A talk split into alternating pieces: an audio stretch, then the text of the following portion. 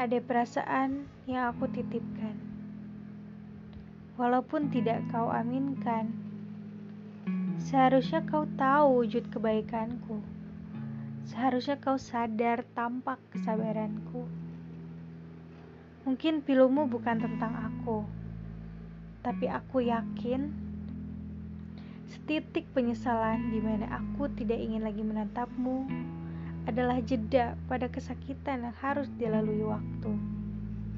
Kini, aku bersama ia, seorang tinta, menggores di atas kertas kisah yang selama ini dihujani air mata, lalu basah, dan berhenti saat ia datang, menggantikanmu untuk pulang. Ia membuatku mencintai hingga tak segan tak sepertimu yang terus-menerus enggan.